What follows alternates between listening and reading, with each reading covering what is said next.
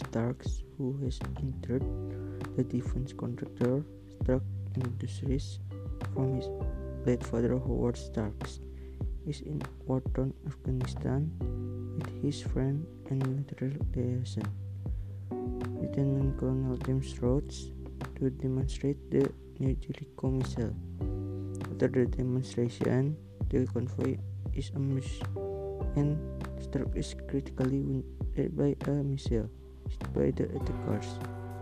One of his company on on he is captured and imprisoned in a cave by a terrorist group called the Ten Rings and sent a captive doctor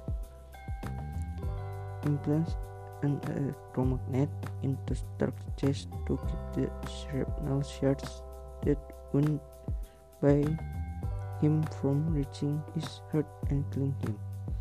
Ten Rings leader Raza offers Stark freedom in exchange for building a Jericho missile for the group. But he and Yinsen know that Raza will not keep his word.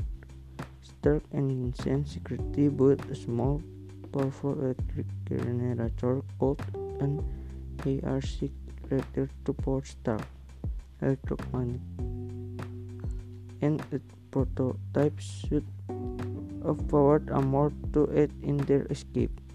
All talk, they keep the suit hidden almost to completion. The Ten Rings discover their host hostages intention and attack the workshop. Yinsen sacrifice himself to divert them while the suit pours up. The armored Stark battles his way out of the cave to find the dying Yinsen, then burns the ten rings, He weapons in injure and falls away, crashing in the desert and destroying the suit.